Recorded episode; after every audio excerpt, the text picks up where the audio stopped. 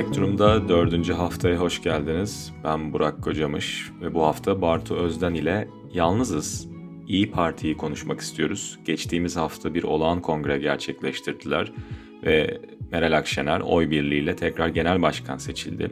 İyi Parti'yi, Meral Akşener'i, seçim hesaplarını, kongreyi ve partinin milliyetçiliğe ve merkez sağa getirdiği yeni tanımları konuşacağız. Bartu merhaba, nasılsın? Merhaba Burak, selam. Sağ ol yani Spektrum gayet iyi gidiyor. Okuyucu sayımız hızla artıyor. Ee, çok olumlu tepkiler almaya devam ediyoruz. Ee, ters bir şey yok şimdiye kadar. Ee, siyasi gündemde giderek ısınıyor. Yani hem iç siyasette bu İyi Parti kurultayı sonrasında yaşananlar, özellikle uluslararası ilişkilerde bu Azerbaycan'la e, Ermenistan arasında çıkan e, çatışmaların büyümesi, hatta bir savaşa evrilmesi, Türkiye'nin oraya ne kadar müdahale olup olmadığı konusundaki tartışmalar bunlar çok sıcak bir gündem. Takip etmekte giderek e, zorlaşıyor. Ama bir yandan da siyaset ilgisi olanlar için e, çok ilginç dönemler.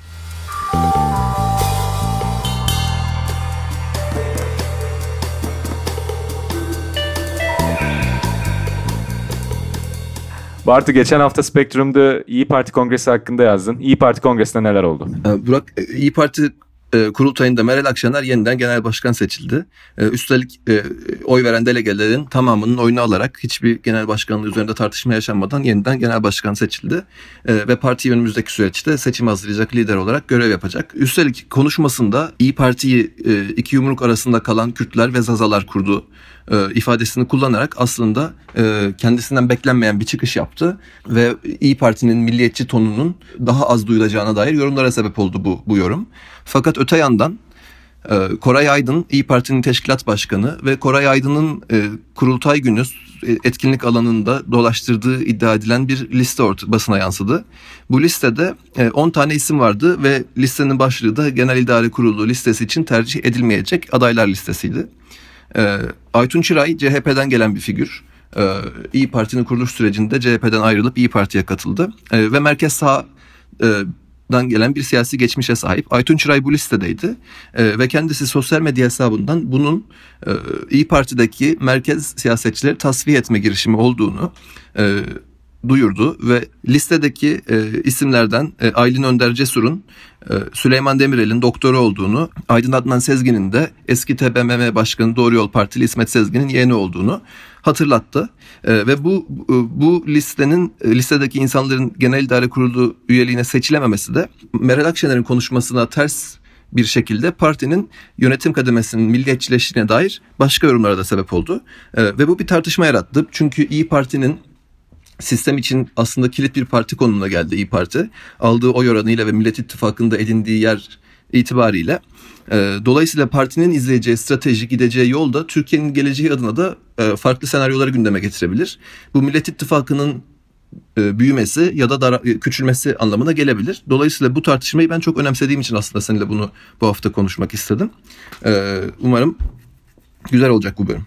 Şöyle bir gerçek var. İyi Parti e, Milliyetçi Hareket Partisi'nden ayrılan isimlerin lideri Meral Akşener başta olmak üzere kurduğu bir parti. Ancak başlangıcından beri sen de biraz değindin. Aslında hem milliyetçi ülkücülerin hem de e, merkez sağdan gelen isimlerin Aytunç Çıray gibi birlikte olduğu bir parti. Yani ülkücülerle, milliyetçiler ile e, merkez sağcılar arasında bir koalisyon partisi esasında. Hatta bu merkez sağcıların içerisinde e, tabiri caizse o Egeli Atatürkçülere, Kemalistlere yakın pek çok ismin de bulunduğu hatta partinin en başında konuşulanları hatırlarsak Ege'de e, Cumhuriyet Halk Partisi ile çarpışacağı, Cumhuriyet Halk Partisi'nden belki oy çalacağı e, Cumhur İttifakı'ndan ziyade Millet İttifakı açısından kendi içerisinde bir oy geçişkenliği yaşanacağı konuşuluyordu İyi Parti'nin. Bugün geldiğimiz durumda bugüne kadar parti bu koalisyon dengesini nasıl korudu? Nasıl tuttu? Korudu mu daha doğrusu sence? Ve şu anda verilen sinyaller neyi gösteriyor? İyi Parti 2017 yılının Ekim ayında e, söylediğin gibi çoğunluğu MHP'den gelen siyasetçilerle fakat bir kısmı da Doğru Yol Partisi, Anavatan gibi eski merkez sağ partilerden gelen insanlarla ve aslında gündemde olmasa da bir kısmı da siyasete ilk defa giren e, çoğunluğu da genç insanlar tarafından kuruldu. E, dolayısıyla bu bahsettiğin koalisyon partisi tanımı bence doğru ama üç ayaklı bir koalisyon partisi. Çünkü bir kısımda ilk defa siyasete giren insanlardı bunların. E, ve Meral Akşener e, eski bir Doğru Yol Partili sonrasında Milliyetçi Hareket Partili, sonrasında da İyi Parti Genel Başkanı olarak zaten bu birlikteliği e, sürdürmek konusunda oldukça kendi adına başarılıydı. Partiyi bugüne kadar e, bu iki kanat arasında bir dengede tuttu. Ayrıca da o üçüncü grup olan yeni seçmeni de yeni genç grubu da daima partide tutmayı başardı. Ve parti çok kısa bir süre içerisinde %10 oranına ulaştıktan sonra bugün de anket sonuçlarına bakınca ciddi bir çıkış içerisinde olmasa da ciddi bir düşüşte yaşanmıyor partide. Ve parti e, biraz önce de söylediğim gibi kilit bir konumda Türkiye'de şu anda. E, Millet İttifakı'ndaki yeri dolayısıyla. Aslında Meral Akşener 2018'deki seçimlerde %10 oy aldıktan sonra o, o seçimde İyi Parti'nin milletvekili aday listesi MHP e, geçmişi gözüken insanların biraz daha ağırlıklı olduğu bir listeydi. E, fakat seçimde görüldü ki aslında oyların e, tamamı MHP'den gelmedi. Senin de söylediğin gibi CHP'den de İyi Parti'ye oy geldi. Eski Doğru Yol e, Anavatan seçmeninden de İyi Parti'ye oy geldi. E, ve ilk defa oy kullanan genç seçmenlerden de İyi Parti'ye oy geldi. Bu İyi Parti'nin aldığı %10 aslında bunların hepsinin birleşimiydi. Ve Meral Akşener de aslında bence bunu görerek e, İyi Parti merkezdeki boşluğu doldurmak için kuruldu. Biz merkezdeki boşluğu dolduracağız dedi ve hatta seçimden sonraki ilk konuşmasında Süleyman Demirel'in e, yani merkez sağın en bilinen liderinin e, Türkiye tarihinde yani en bilinen liderlerden biri diyelim. E, Demirel'in sözlerinden alıntılar yaptı ve bu partinin aslında bu dengeyi sürdüreceğini e, ifade etmiş oldu. Ve bugüne kadar da bu dengeyle geldi parti. E, bu kurultaydan sonra ne olur? E, açıkçası bu tartışma konusu. Bu Meral Akşener'in kurultaydaki konuşmasından bahsettin. E, iki yumruk arasına sıkıştırılan Kürtler, Zazalar gibi bir tabir kullandı Meral Akşener konuşmasında. E, bu çok konuşuldu. Bu bir seçim hesabı mı? Yani sadece bu da değil aslında. E, hapisteki eski HDP eş başkanı Selahattin Demirtaş e, Meral Akşener'e bir kahvaltı davetinde bulundu ve Meral Akşener de bunu çok e, diplomatik denebilecek bir cevap verdi. E, reddetmedi. E, kan davalınız bile olsa oturur konuşuruz dedi. Bu aslında bir seçim stratejisi olabilir evet. Ama bunun haricinde e, benim çok e, beğendiğim bir yazı yayınlandı Karar Gazetesi'nde. Burak Bilgehan Özbek yazdı bu yazıyı. Şunu, şunu iddia etti. İyi Parti e, şu ana kadar sadece var olma çabası içerisinde gözüken bir partiydi. Fakat ilk defa şu aşamada Türkiye'yi dönüştüren aktör olma çabası içerisine girdi. Artık sadece milli güvenlik meselelerinden bahsetmiyor. E, ekonomi yönetimini eleştiriyor. Dış politika anlayışını e, eleştiriyor hükümetin dış politika anlayışını. Hatta ekolojik meselelerden bahsediyor. Parlamenter sistemin kurulmasını öneriyor ve tespit ettiği sorunlara bir takım kendi anlayışına göre çözüm önerileri geliştiriyor.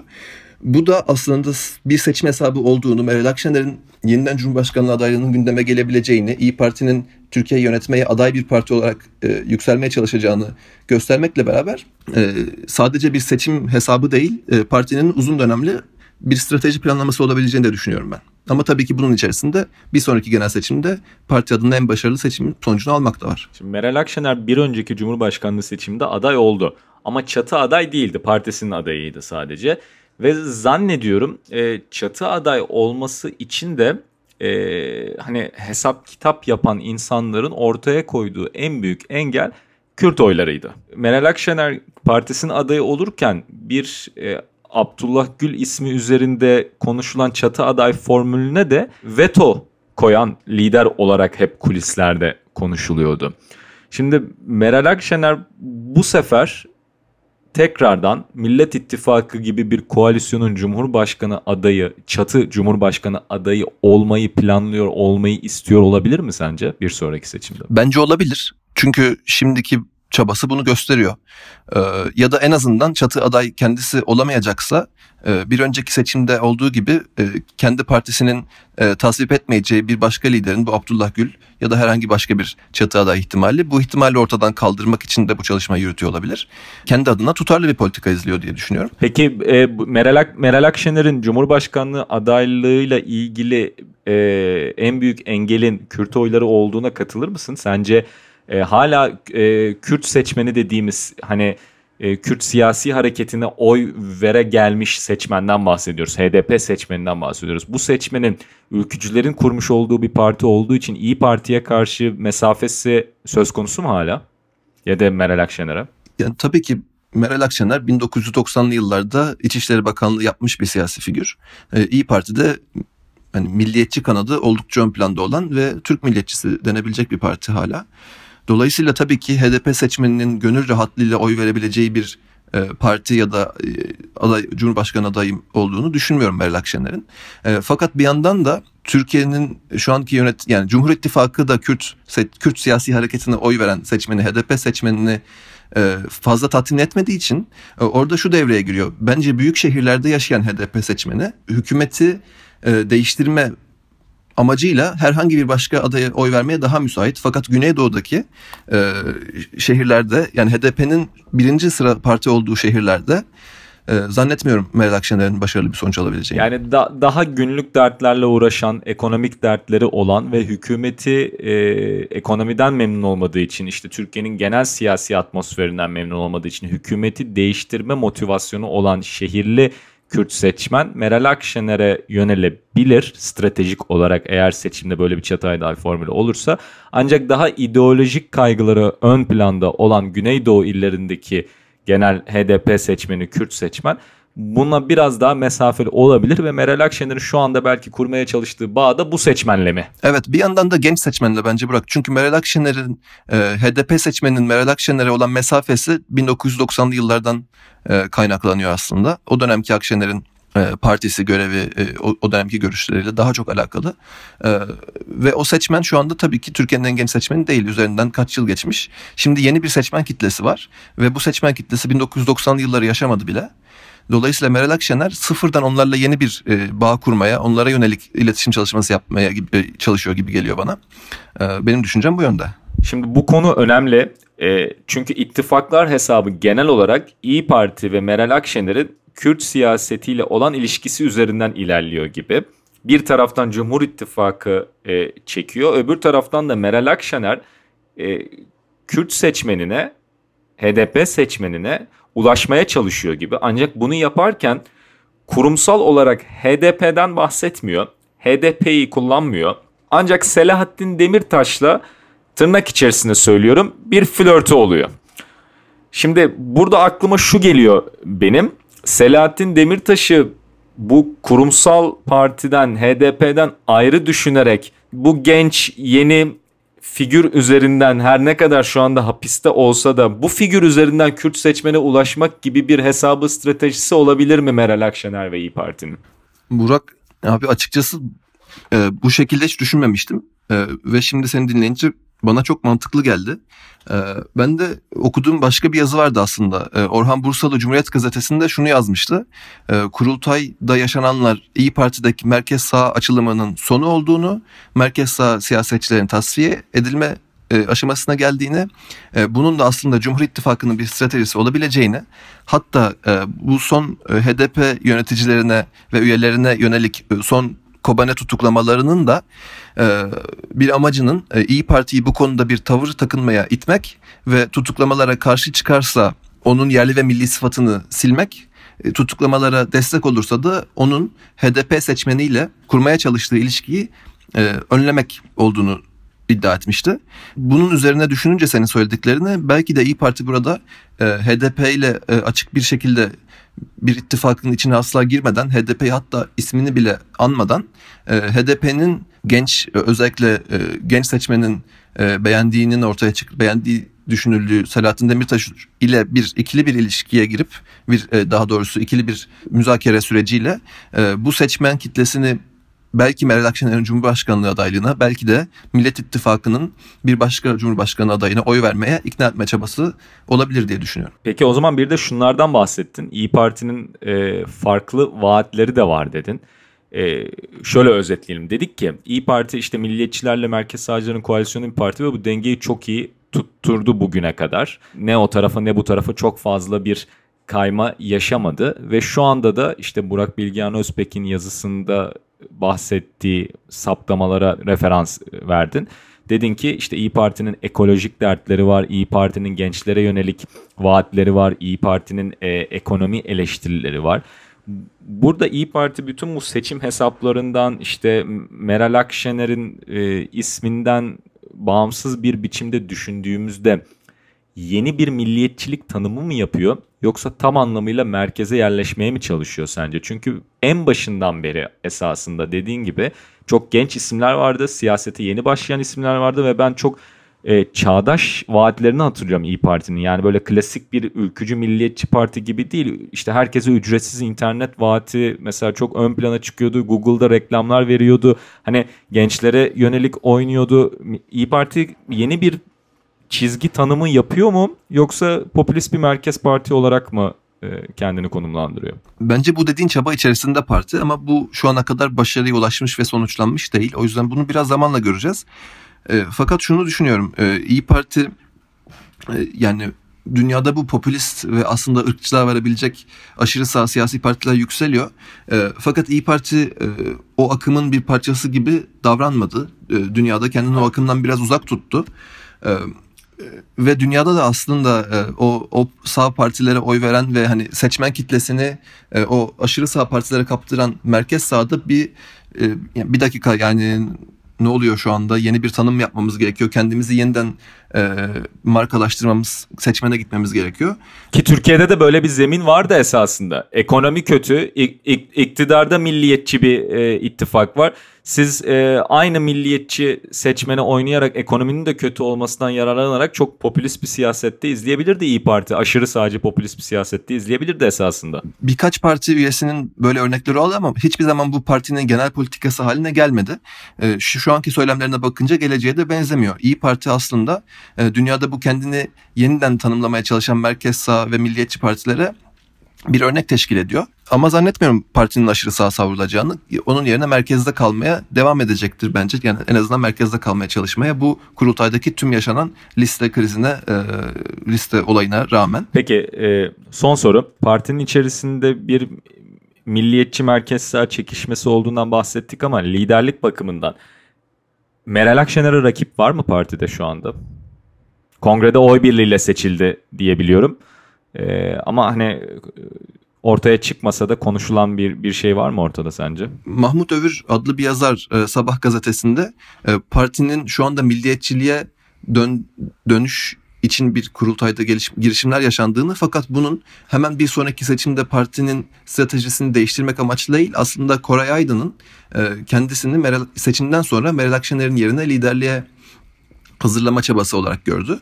E, dolayısıyla eğer seçimde tatmin edici bir sonuç almazsa İyi Parti e, kendi adına Meral Akşener'e rakip olacak e, adaylar çıkabilir görünen o ki bu e, isim Koray Aydın e, böyle bir hazırlık içerisinde eğer birisi varsa. Onun haricinde bir başka lider figürü, e, lider adayı olduğunu ben partide görmüyorum. Öyle birisi hiç yok. Bir yandan da bunun çok mümkün olduğunu zaten düşünmüyorum. Çünkü dediğim gibi parti şu anda bir dengeyle ilerlediği için milliyetçilerle merkez sağcılar arası bir birlikteliği ve Meral Akşener bu iki kesimi birleştirebilen bir lider. Bu da kendi siyasi geçmişiyle, haliyle, tavrıyla alakalı.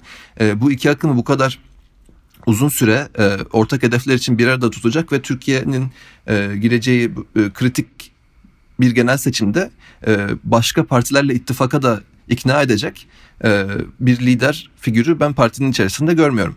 Ha bu seçim sonucuna bağlı olarak seçimden sonra lider değişebilir e, ve parti bambaşka bir e, yola da gidebilir. E, ama şu an için böyle bir ihtimal olduğunu görmüyorum. Peki eklemek istediğin başka bir şey var mı Bartu söyleyip söylemek isteyip söyleyemediğin? Şunu ekleyebilirim sadece. E, İyi Parti aslında MHP tarafından daha e, geçenlerde tekrar partiye çağrıldı, eve dön çağrısı yapıldı.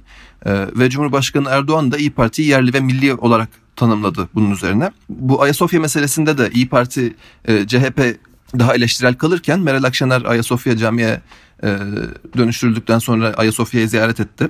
Şu anda mesela Azerbaycan'a çok yüksek sesle destek oluyor. E, ve bazı konularda Cumhur İttifakı ile yakın bir görüntü içerisine girebiliyor. Fakat bir yandan parti İstanbul Sözleşmesi'ni çok yüksek sesle savunuyor. Biraz önce bahsettiğim gibi HDP ile kapıları kapatmıyor HDP'ye karşı. Böyle bir e, denge kuruyor. Bu e, aslında partinin ne kadar kırılgan bir zemin üzerinde ilerlediğini gösteriyor kendi başarısı adına. Bu e, bir yandan uzun soluklu bir strateji gibi gözüküyor. Bir yandan da e, her an sanki bir aksiliğe uğrayabilecek gibi parti. E, dolayısıyla e, son olarak şunu söyleyebilirim. Hani İyi Parti'nin yani Türkiye siyasetini merak eden insanların e, İyi Parti'nin gidişatını izlemesi gerektiğini. Çünkü İyi Parti'nin parti içerisinde alacağı kararların İyi Parti'deki yönetim anlayışının ya da liderliğin değişmesinin Türkiye'deki bütün ittifaklar sistemini değiştirme potansiyeli olduğunu düşünüyorum. Yani hiçbir zaman şunu diyemeyiz. E, CHP ile AK Parti arasında bir ittifak kurulmaz. E, ama e, İyi Parti'nin e, gideceği yön bu ittifakları değiştirebilir. Dolayısıyla bu yüzden kilit parti diyorum İyi Parti'ye. Bartu çok teşekkürler. Çok keyifliydi. Ee, bir çırpıda İyi Parti'yi ve Türkiye'de milliyetçi siyaseti konuştuk seninle açıkçası ve zannediyorum İyi Parti hem parti olarak hem de kendini oturtmaya çalıştığı çizgide yeniden tanımlamaya çalıştığı siyasette, siyasi tarzda Türkiye'nin e, Türkiye siyasetinin kilit partisi olmaya devam edecek ilerleyen süreçte de ve seçime doğru yaklaşırken bunu daha da fazla konuşuyor olacağız. Teşekkür ederim. Ben teşekkür ederim. Ee, Çok sağ ol. Keyifli bir sohbetti. E, haftaya görüşmek üzere. Görüşürüz. Spektrum'dan bu haftalık bu kadar.